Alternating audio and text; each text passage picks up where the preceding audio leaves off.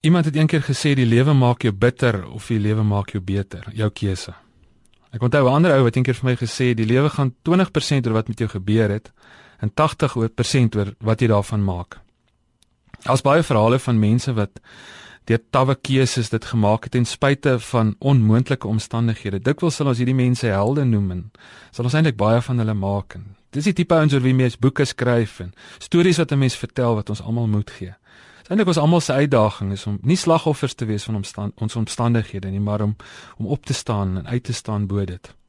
Wanneer Paulus hieroor praat, dan sê hy in Romeine 12 vers 21: Moet jy nie deur die kwaad laat oorwin nie, maar oorwin die kwaad deur die goeie.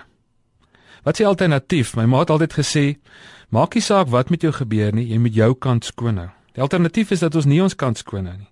Die alternatief is dat die bose goed wat oor ons pad kom, ons ook boos maak dat ons word wat ons haat.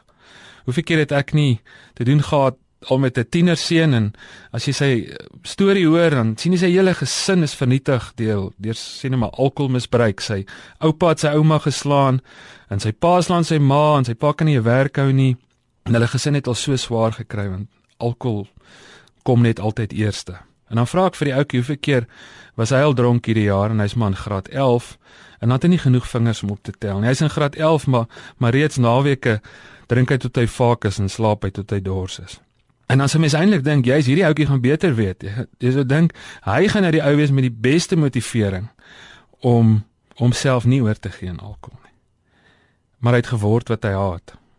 Dit gebeur dikwels met ons en en ons kan maklik oor alkohol of van hierdie groot goeters praat, maar dis ook ander goed in ons lewens. Dikwels sal ons 'n vyand so haat dat ons net so wreed word soos ons vyand wat eintlik nodig is in ons wêreld is om dit te doen wat Paulus sê. Moet jy nie deur die kwaad laat oorwin nie, maar oorwin die kwaad deur die goeie.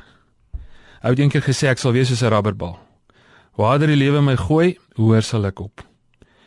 En dis miskien ons grootste uitdaging in hierdie lewe is om wanneer die boosheid en die slegte goed oor ons pad kom, om in die teenoorgestelde gees op te tree. Kom ons bid. Ons vra vir die Here om dit ook vandag vir ons waar te maak. Here help ons dat die lewe ons nie bitter sal maak nie, maar beter. As dit donker is, Here, maak dat ons lig helderder sal skyn. As die lewe ons hart gooi, mag ons hoor op.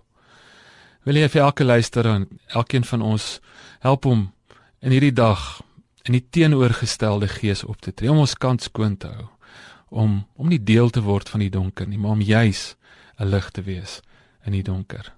In Jesus Christus se naam. Amen.